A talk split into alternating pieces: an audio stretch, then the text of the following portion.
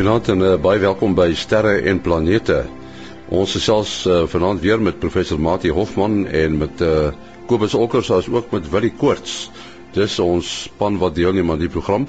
Maar voor dit, uh, eers so 'n paar blokkies nuus. Die eksoplaneet Gliese 581G is eerste op die lys van sogenaamde bewoonbare eksoplanete geplaas.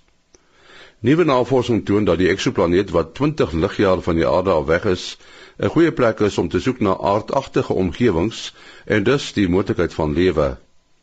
Gliese 581G is in die sogenaamde goue lokkies gebied. Die inligting oor die planeet dui op 'n foutmoontlikheid van kleiner as 4%. Gliese wentel op 'n afstand van 0.13 astronomiese eenhede om sy ster wat beteken dat vloeibare water op sy oppervlak 'n besliste moontlikheid is. Wetenskaplikes van die Penn State Universiteit het tekens gevind van 'n ster wat een van sy planete ingesluk het.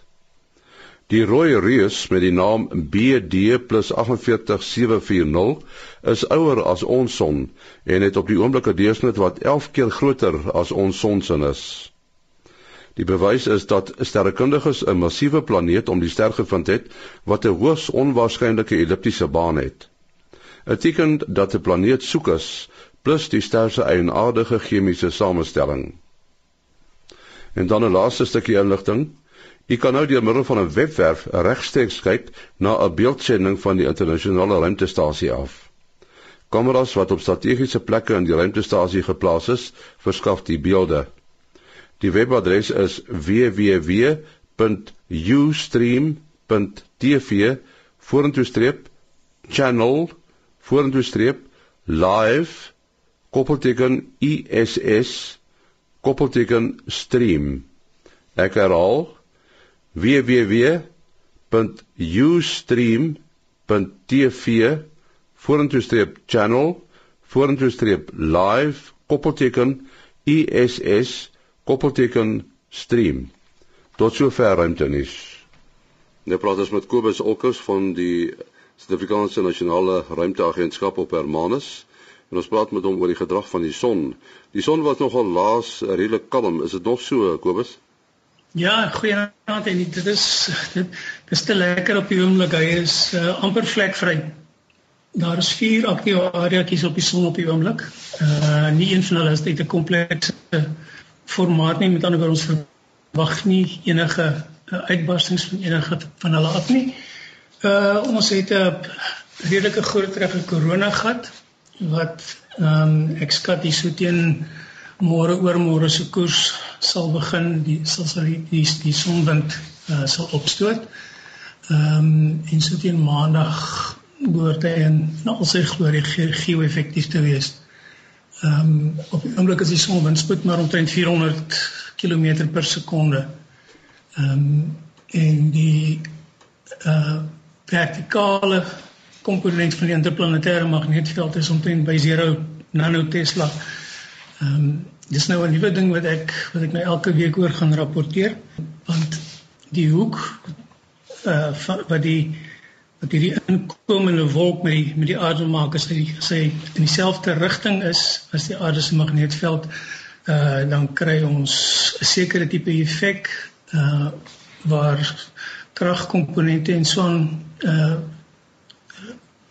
beïnvloed word en as hy suidwaarts is dan maak dit die aarde se magnetveld flouer en dan kan van die die die bestralings uh en die partikels kan dan verder indring en satelliete beskadig en so aan. So ek het gedink dit is miskien 'n goeie ding dat vir van ons uh, meer geïnteresseerde luisteraars begin weet van die soort van ding ook. Ja, dit dit sal seker die posduif manne ook raak. Ek het nog nie so daaroor gedink nie, maar ek sal nie verbaas wees nie. Ehm um, want dit beïnvloed definitief die totale die die, die algehele magneetveld van die aarde. En dit kan uh en dis nie net rigting of of uh, grootte en sterkte nie. Dit is dit kan ook die rigtings verander. So ja nee, ek sou dink dit kan hulle definitief uh, beïnvloed. Kobus, as mense vra, het jy 'n telefoonnommer? Dit is 083 264 8038. En weer te sê 083 264 8038. Baie dankie Kobus Olkers van die Suid-Afrikaanse Nasionale Ruimteagentskap op Hermanus.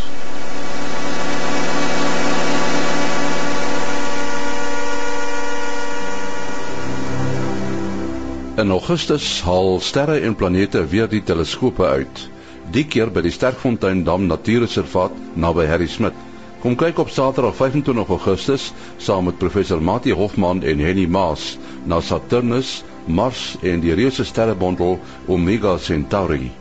Bespreek nou vir 'n aand van verwondering by Arena by 056 515 3549. 056 515 3549 sterre en planete op 25 Augustus by die Sterkfontein Dam Natuurreservaat. Ons is selfs uh, heel eerste vanaand met uh, Willie Koorts van die Suid-Afrikaanse Astronomiese Observatorium en uh, ons sal 'n bietjie vanaand praat oor uh, onder andere hoe sterre gevorm word. En uh, om sommer so met die deur in die huis te val, Willie, eers die uh, die verskil tussen 'n ster en 'n planeet. Uh ja, nee, in ons eie sonnestelsel is dit miskien 'n maklike maklike manier om om om 'n voorbeeld te kry waar on, waar ons self natuurlik gewoond is. Ons uh het almal geleer op skool en en uh, later het die planete bietjie minder en meer geword, maar dis 'n ander storie vir 'n ander dag. Um ons son is dan natuurlik in die middelpunt van ons sonnestelsel en uh, dan die ag bekende planete, dan is er nog dwergplanete en allerlei ander goed ook. So uh, ons son self is dan natuurlik 'n gewone ster en um dan die ag planete is daar ook 'n bietjie 'n verskil in samestelling tussen die binne en die buiteplanete. Binne planete sal dan rotsagtige balle wees uh, en die buiteplanete sal gasballe wees. Um so ons son self uh, vervaardig dan sy eie lig en uh, as ons dan opkyk in die naghemel sien ons vyf van die uh helder planete en hulle is baie maal ook helderder as van die helderste sterre daar buite. En um dan uh kan ons hulle sien skyn en en hulle is natuurlik lyk so helder uh, soos ons maan ook as gevolg van lig wat hulle weerkaats. So hulle vervaardig nie hulle eie lig nie, maar weerkaats slegs die lig van die son af. Goed, dit is nou die die verskil en uh 'n ster word nou op 'n sekere manier gevorm want 'n ster is iets wat uh, op sy eie brand nie. Dit is eintlik 'n fusieproses, is ek reg? Ja, dis reg vir vir jare was dit natuurlik nou 'n groot vraagstuk hoe kon hoe kan die sterre uh, so helder brand en vir so lank vir al toe mense begin uitvind het wat is die ouderdom van sterre en ehm um, Nou die verbrandingsprosesse wat ons op aarde ken uh, uh is maar almal gewoonlik 'n koolstofverbinding en dan is daar gewoonlik suurstof betrokke en um daardie tipe van goede kry jy glad nie in in die sterre nie. Uh suurstof is eintlik een van jou skaars goederes in, in sterre alhoewel uh, is 'n is 'n kleiner hoeveelheid. Ja, interessant genoeg uh suurstof in in sterre is hier van hierdie Kaapse sterrewag ontdek vir die eerste keer. Um maar uh so die die manier manier wat ons dan stervorming verstaan is dat uh, stervorming uh, vind plaas tipies uit 'n nevel uit. Nou uh, ons het goeie voorbeelde van nevels in die in die lug wat jy selfs met jou eie verkyker kan kyk en uh, as dit nou weer begin somer raak, kan 'n mens die uh die een of naby die drie konings die die die gordel van Orion eintlik as jy nou kyk na die sterrebeeld van Orion is dit dan sy swaard wat hier in sy gordel ingesteek is wat so hang. Uh ons natuurlik verkeerd om vir ons so sy swaard wys op vir ons. Uh is dit daar drie uh, sterretjies uh so dwars met die drie konings um nader aan mekaar en met jou verkyker gaan jy maklik dit uitmaak as 'n as 'n nevel. Uh dit lyk so 'n nevelagtigheid dit is nogal redelik maklik om te sien met met die meeste verkykers veral as jy nou 'n lekker groot groot lense in die voorkant van jou verkyker het. En ehm um, dit is dan tipies die geboorteplek van sterre in hierdie uh, sogenaamde nevels en uh, die nevels bestaan uh, dan uit uh, verskillende goedes hoofsaaklik dan uh, waterstof omtrent 70% uh, en dan uh, uh kleiner hoeveelhede helium en en dan en dan swaarder elemente. Uh die swaarder elemente uh, is natuurlik wat uh uit sterre wat ontplof het in die omgewing uh um wat dan weer uh, ingemeng word kan jy amper sê in hierdie nevels en uh dit is dan ook wat uiteindelik op jou planete en en so gaan gaan opeindig. Um maar dan het jy hierdie nevel ja miskien net 'n interessante ding die die die ons is nou as ons nou kyk na so 'n nevel dan uh, sien ons hom mooi met ons verkyker en en hy word gewoonlik 'n uh, skyn gewoonlik as miskien uh, uh, daar's verskillende meganismes. Partymal is dit 'n ster in die omgewing wat die die nevel verlig. Partymal is dit onsigbare sterre. Dit is basies die die die uh, uh, uh, ultraviolet uh, uh, van die van die sterre wat wat um, hierdie nevel laat laat skyn uh, en dan is dit 'n soortgelyke proses in wat 'n neonlamp byvoorbeeld aan die gang is uh, uh, waar deur die energie uh, word inge, ingestoot in die stelsel en dan verval dit en dan kan jy dit sien as sigbare lig. Uh, ja en natuurlik die die nevel self is ongelooflik dun eintlik mens. Die goed is is, is in in ligjare in deursnee en uh, daar daar is letterlik in van hierdie dunner nevels is daar maar een uh, uh of minder as 1 molekuule per kubieke sentimeter. En uh, dan kry jy hierdie digter nevels wat hulle praat van molecular clouds of of uh, uh, uh dan molekulêre wolke. Uh um, so nou het jy nie meer net die atome nie, maar jy het wel uh, um, uh, soos byvoorbeeld waterstof, twee waterstowwe wat saam die molekuule vorm. En um dit is natuurlik heelwat digter en dan praat jy so in die omgewing van 100 partikels per uh, kubieke sentimeter meer. Nou om net 'n bietjie dit in perspektief te stel op die aardoppervlak uh op die aarde is daar um 10 tot die 19 molekules per kubieke sentimeter. So dit is dan 1 met 19 nulle. Nou ja, ons kan nie eintlik daai getal sê veral nie sonder jou tande nie soos hulle sê. En uh dan die die die beste vakuums wat ons op aarde kan kan pomp. Nou uh, uh vir al ons kameras hier in Sutherland kom 'n uh, uh, pomp ons 'n redelike hoë vakuum. Ons gaan in die in die in die high vacuum en ons raak aan die ultra high vacuum uh, uh gedeelte van die van die vakuum. En uh, dan is daar nog omtrent so 'n miljard, 1000 miljoen uh uh molekules per kubieke sentimeter.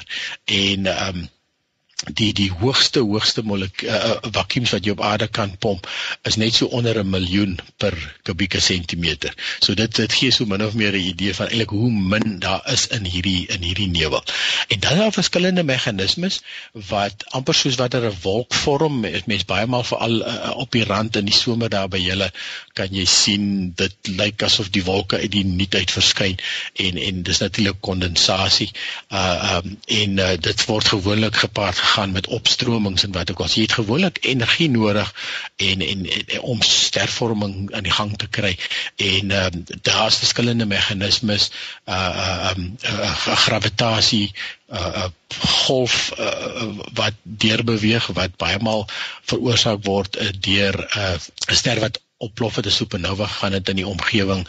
Ehm um, dan is daar ja, ek sê heelwat heelwat ingewikkelde meganismes en en wat dan dit soort van sneller wat wat dan die die gas by by mekaar begin kom. Die gas begin dan uh na mekaar toe te beweeg en en amper soos 'n kondensasie van 'n wolk en dan begin dit massa te kry en ons weet as hy massa het dan kry hy aantrekkingskrag en dan word uh, daar meer en meer gas ingetrek en uh, uh so hoe meer dan kry hy meer massa word meer ingetrek. So uiteindelik uh, kry jy dat die uh die ster uh, of die materiaal word dan word dan meer en meer dig gepak en ons weet almal dat as jy met 'n fietspomp jou wiele oppomp raak die fietspomp warm en uh, so dan kry jy hierdie hierdie same pakking wat dan hitte veroorsaak uh um wat dan as die uiteindelik die uh, uh drukking en die hitte hoog genoeg raak uh um en ons praat hier van 'n miljoen jaar omtrent wat dit vat om te gebeur uh um, dan dan raak die die drukking so hoog dat atoomfisie begin plaasvind. En wat jy dan uh, basies kry is dat twee uh heliums byvoorbeeld ag twee uh, waterstowwe sal dan mekaar fisies ingedruk word om een helium te vorm.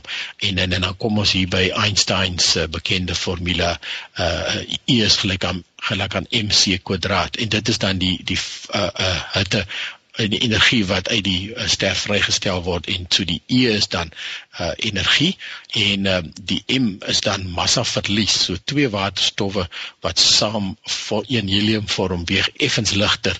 Die twee waterstowwe was swaarder as wat die een helium is wat vorm en dan is massa verlies. So dis dan daai massa wat verlore gaan op baie baie klein getalletjie, maar dit maal jy dan met die spoed van lig kwadraat wat natuurlik 'n groot getal is. En uh, so uiteindelik kry jy dan hierdie ster wat dan uh begin brand as gevolg van atoomfisie. So die die die swaartekrag probeer nog steeds die ster laat mekaar tuimel en uh, uh maar hierdie atoomontploffing probeer hom weer uitmekaar uitblaas en dan uh, is die ster dan in sy in sy uh hoofleeftyd en en uh het, ons son byvoorbeeld uh um, is omtrent so 'n uh, 100 miljoen jaar wat sy leeftyd dan is so dit sal vir etlike miljoene jare sal sal die ster dan en en dan sal hy mooi mooi stabiel op wees soos wat ons son is. Uh, 'n mens kan natuurlik uh, op 'n manier uitken wanneer 'n ster jonk is en wanneer hy ouer is, nê. Nee, jong sterre is gewoonlik wit of blou en die ouer is is nou meer rooi, hè, is Aldebaran en Betelgeuse. Ja, dis reg en nie uh, uh die die die kleur gee vir ons definitiewe aanduiding van sy ouderdom en en ook van sy um van sy temperatuur natuurlik. Is eintlik maar hoofsaaklik temperatuur. En uh omdat ons nou redelik verstaan hoe sterre dan uh uh vorm en dan uiteindelik tot op hulle einde ook kom, uh um kan ons dan redelik sê in in watse in watse gedeelte van die siklus uh, van die lewe van wat so 'n ster dan sal wees. En dan wat jy ook fisies vind is dat ehm um, die ou soos jy sê ou rooi sterre dit lyk al baie afgekoel en en is is dan gewoonlik me, baie meer uitgepof waar jou wit ehm um, jou wit en jou witblou sterre is hoë energiek baie energieke sterre uh, wat teen hoë tempos brand en ook dan gewoonlik baie vinnig hulle uh, brandstof opgebruik wat natuurlik hoofsaaklik dan helium is wat hulle dan ag waterstof wat hulle dan na helium ver, uh, uh, verander in hierdie atoomfisie proses. Jou besonderhede. Ja, mense kan my uh, bel of SMS of WhatsApp 0724579208. 0724579208. Baie dankie, Willie Koorts van die SAAO. Ons praat nou met uh, professor Mati Hofman van die Universiteit van die Vrystaat en die Boyden Sterrewag. En uh, ons het net nou met Willie Koorts gepraat oor hoe sterre gevorm word. Maar uh, kom ons kyk 'n bietjie na ons eie sonnestelsel, die die planete. Ons het hoofsaaklik twee soorte planete, is gasplanete en rotsagtige planete. Uh, hoe word hierdie planete gevorm, Mati? Uh, uh ja, mens moet nou gaan kyk na die mees aanvaarde teorie op hierdie stadium is dat uh, wel dit is eerstens gekoppel ook aan die vorming vorming van uh, van 'n ster. En in ons geval praat ons nou van ons sonnestelsel, maar as ons nou van ons sonnestelsel praat, dan kan ons nou sê wel as die son 'n tipiese ster is, dan kan soortgelyke prosesse uh, moontlik elders plaasvind. Ehm um, en wel kon as ons dan nou 'n uh, model daar gaan stel van wat hoe ons sonnestelsel moontlik ontwikkel het, dan is dit nou maar vir 'n begin 'n model. Hoe sal mens nou weet dat dit regtig so gebeur? Nou voordat ek die die die die model nou uh kortliks verduidelik, uh kan mens dan net sê wel, as ons nou na ander baie ander voorbeelde in die sterrehemel gaan kyk, dan gaan mens nie in enige geval presies sien hoe ontwikkel 'n sonnestelsel nie. Dit vind oor te lang tyd plaas vir 'n uh, uh, menslike leeftyd of selfs 'n paar menslike leeftye wat 'n mens wel kan hoop om te sien is sonnestelsels in verskillende stadiums. 'n Baie jong sonnestelsel, uh, miskien 'n omgewing waar 'n ster besig is om gevorm te word uh, met 'n skuif van materie en dis nou die belangrike konsep. Jy begin met 'n 'n gasnevel uh waaruit die ster in ons geval was dit nou die son uiteindelik gebore is. Uh daar is gewoonlik maar rotasie en soos wat die gas onder die invloed van gravitasie begin saamtrek, neem die die spoed van die rotasie toe. Uh dit is dieselfde fisika wat maak dat 'n ijskaatser vinniger in die ronde begin tol as hulle hulle arms intrek, nee. Jy jy maak die die omtrek uh kleiner terwyl die massa dieselfde bly. Dan begin dit al vinniger roteer. Uh en ons weet uit alledaagse on ondervinding as jy 'n 'n bol vervorme 'n 'n 'n materie wat kan vervorm vinnig in die ronde draai, dan wil hy plat word. En nou dis dan tipies wat wat gebeur is dat daar 'n 'n plat skyf van roterende materie gevorm word en in die middel uh waar die gravitasie middelpunt is, waar die meeste massa is, uh begin die gas al verder saamtrek. Dit is natuurlik 'n baie stadige proses wat geleidelik versnel. Hoe digter dit word, hoe vinniger begin dit uh saamstel uh, uh, by mekaar kom en hoe vinniger word dit digter en hoe vinnig, nog hoe vinniger begin dit saamtrek. En dan het ons 'n uh, baie universele wet in die in die fisika, die wet op behoud van energie. Mens begin met gravitasie energie. Uh bloot omdat voorwerpe met massa van mekaar geskei is, beteken daar is potensiële energie en as jy hulle toelaat om na mekaar toe te val, uh dan word dit bewegingsenergie. Soos as jy 'n voorwerp van 'n hoë gebou laat afval, dan gaan hy al vinniger val en daaronder kan hy 'n klomp energie oordra. Ehm uh, hy kan hitte veroorsaak, hy kan iets anders in beweging sit en so meer. Nou in die geval van die nevel wat saamtrek uh, en uh, dit het, is nou al oor gesels begin die uh, die hitte uh, vorm. Die gravitasie energie word hitte en daar uiteindelik begin die kernreaksies as dit warm en dig genoeg is. Maar mens kan jou nou voorstel as daar 'n klomp materie is uh sien nou maar in die uh, buitewyke van hierdie roterende dis 'n uh, uh, roterende skuif. Die Engelse term is die disk.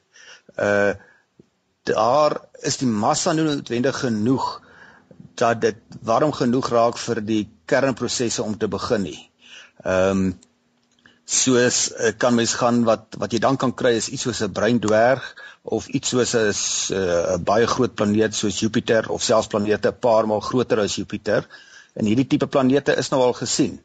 Ehm um, en dan kry jy bloot 'n voorwerp wat uh, uit gas bestaan wat baie warmte binne hom het, maar nie genoeg om as 'n ster te begin ont, uh, ontbrand nie. Jy sou amper kon sê dis soos 'n mislukte ster nie. Ehm um, en nou uh uh kan jy al die gasplanete aan die buitekant van ons sonnestelsel kan jy nou op daardie manier gaan verstaan Jupiter is die grootste en hy's die enigste planeet sover ek weet wat nog meer hitte uitstraal as wat hy van die van die son afkry omdat hy nog daai bron van interne hitte het wat hy nou wat uit die sametrekking uit gekom het die wat binne hom opgebou het en hy het nog nie genoeg tyd gehad om daarvan uh uh ontslae te raak nie so hy genereer nog 'n redelike hoeveelheid hitte maar nie by wyse van kernreaksies nie. Nou is die vraag natuurlik, waar kom die die die die uh die die die rotsagtige planete vandaan? Uh wel, eerstens moet jy in daardie skuif van materie wat dan nou rondom die ster geroteer het, moet jy die nodige bestanddele hê. En dit is nou weet swaarder elemente. Ons dink aan die aan die metale, uh natuurlik ligter elemente ook koolstof, uh silikon, al die uh uh elemente uh nou volgens ons bestaande verstaan kom uh al die ligter elemente maar uit die prosesse wat in sterre plaasgevind het. By by wyse van daardie kernreaksies waar jy begin met waterstof te versmelt na helium en uiteindelik kry jy swaarder elemente. Jy kan tot by tot by yster gaan en dan kan dit nie meer verder versmelt nie. Uh en as 'n ster aan die einde van sy sy lewe 'n uh, uitbarsting ondervind of selfs supernova gaan, dan word al daardie elemente wat uh, binne die ster gevorm is deur die kernreaksies weer deel van die van die nevels in die omgewing en dit kan dan deel word van volgende generasies van sonnestelsels. Swaarder elemente as yster, dit kan volgens ons uh, verstaan van wat in die, al die prosesse wat al waargeneem is slegs by wyse van supernovas kom. So die die prosesse wat met sterre plaasvind is die nodige uh voorloop vir die uiteindelike vorm van planete rondom 'n volgende generasie uh van sterre. So die heel eerste generasie van sterre in die heelal se geskiedenis sou nie planete kon hê met goud en uh en daai soort swaarder elemente in Iran en so meer nie. Uh nou kan mens jou maar voorstel oor 'n baie lang tyd in hierdie beweging, jy gaan altyd jou gelykmatige rotasie met maar in enige so 'n stelsel gaan jy ook jou willekeurige jou random bewegings hê van klein deeltjies wat met mekaar gaan bots en so meer en hulle gaan mekaar vassit, hulle gaan groter word en uiteindelik kan jy weer 'n massa kern kry wat ander stukkies begin saamtrek. En so kry jy weer 'n nukleus. Dit is amper so 'n bietjie analoog aan as jy nou met 'n sneeubal begin. Jy het net eers 'n klein kern van iets wat begin beweeg en hoe groter hy word, hoe vinniger word hy groter. Daai selfde van weghardloop 'n uh, proses. Ehm um, en as as so 'n uh, planeet nou naby genoeg aan sy ster gevorm word of in ons geval soos die binneplanete aan die aan die son, dan sal gaan die lig uh, meer vlugtige elemente geneig wees om weggekook te word, veral as dit nou naby is, uh so op uh Mercurius uh sal jy nou ehm um, weet alles is weggekook. Nou Venus so half 'n anomalie hou nou weer 'n taamlike digte atmosfeer, so hy het genoeg gravitasie. Uh maar die die interessante ding is as mense nou sê wel, dis 'n mooi storie, wel uh, wie sê dit het so plaasgevind? Uh, mense kon sê dit kan seker nie so maklik bewys word nie wat mense wel kan sê is uh daar word baie sulke tipe stelsels waargeneem. Daar word skuwe rondom sterre waargeneem en deesdae die laaste uh 15 20 jaar is daar nou statistiek opgebou van uh wel hele entjie oor 1000 eksoplanete en nou kan ons begin om ons sonnestelsel te vergelyk met ander. Uh met ander woorde in ons sonnestelsel is dalk die belangrikste kenmerk die die uh rotsagtige planete wat naby aan die sterre en die gasreuse wat buite is. Uh dit lyk inderdaad nie asof ons sonnestelsel uh baie tipies is nie, maar dit is nog bietjie vroeg om te sê. En dit beteken dan ook ons verstaan nie hierdie proses heeltemal uh volledig genoeg nie. Weet, hoekom is in die meeste sonnestelsels wat ons sover waargeneem het, is dit meer die uh die gasplanete wat uh, die groot gasplanete wat naby aan hulle sterre voorkom. Daar word baie sulke waargeneem. Maar jy sou mens kon sê dat uh die vorming van sterre word uh, dan normaalweg opgevolg deur die vorming van planete. Ek dink jy mens sou kon sê in die geval van elke moontlike ster nie, maar soos wat ons die meganisme verstaan, moet 'n baie groot deel van van sterre uh behoort planete te hê. Uh, mense sou kon gaan vra vra oor die ekstreme gevalle, so sê nou maar die heel grootste sterre of die heel kleinste sterre sou waarskynlik uh wees waar jy meer die uitsonderings gaan verwag. In die geval van die heel grootste sterre sou jy kon sê Ehm um, jy gaan dalk minder planete ver, ver, verwag want meer van die massa het in die ster bymekaar gekom. In die geval van die kleinste sterre sou jy kon sê wel hy kon dalk nie alles vasgehou het nie. Die ander materie het nou maar in die ruimte in uh verdwyn. Uh die punt is mense kan intelligente raaiskote maak. Op die ou het met mense gaan kyk wat sê waarnemings. En is nou so 'n bietjie vroeg om 'n finale uitspraak te lewer Maar ons moet so oor 3, 4 jaar gaan kyk wat is die slotsom van die Kepler sending se totale bevindinge. Ons weet hierdie uh teleskoop is nou besig om 150 000 sterre te bestudeer. Het al uh, uh so ietsie oor 1000 eksoplanete ontdek. Uh, en hy gaan nog so ten minste 2, 3 jaar werk. Hy's veral op soek na die planete vergelykbaar in grootte met die aarde. Uh hy's sensitief genoeg daarvoor maar daar daar moet so 'n bietjie geluk wees. So as jy na 150 000 sterre kyk, gaan jy net die planete ontdek wat voor daai sterre in beweeg. En dan sal hulle mense statistiese ontleding moet maak om te gaan uitwerk. Wel sê nou maar jy het planete net om 5% van die sterre gesien, dan beteken dit nie net 5% van die sterre het planete nie, maar jy sal kan gaan uitwerk uh wat impliseer dit ten opsigte van of dit nou 40 of 50% is van die sterre van die, uh, wat wat planete het. Uh so kom ons maak 'n raaiskoot ons sê iewers tussen 30 en 60% uh dalk meer. Uh mens moet op 'n tydjie raai en die kans vat om verkeerd bewys te word, maar dit gaan 'n uh, taamlike groot persentasie wees. Goed, maat jy 'n besonderhede? Selfoonnommer 083 625 7154. 083 625 7154. Baie dankie professor Mati Hofman van die Universiteit van die Vrystaat en die Boden Sterrewag. My besonderhede maas.henny@gmail.com. maas.henny@gmail.com. Tot volgende week. Mooi loop.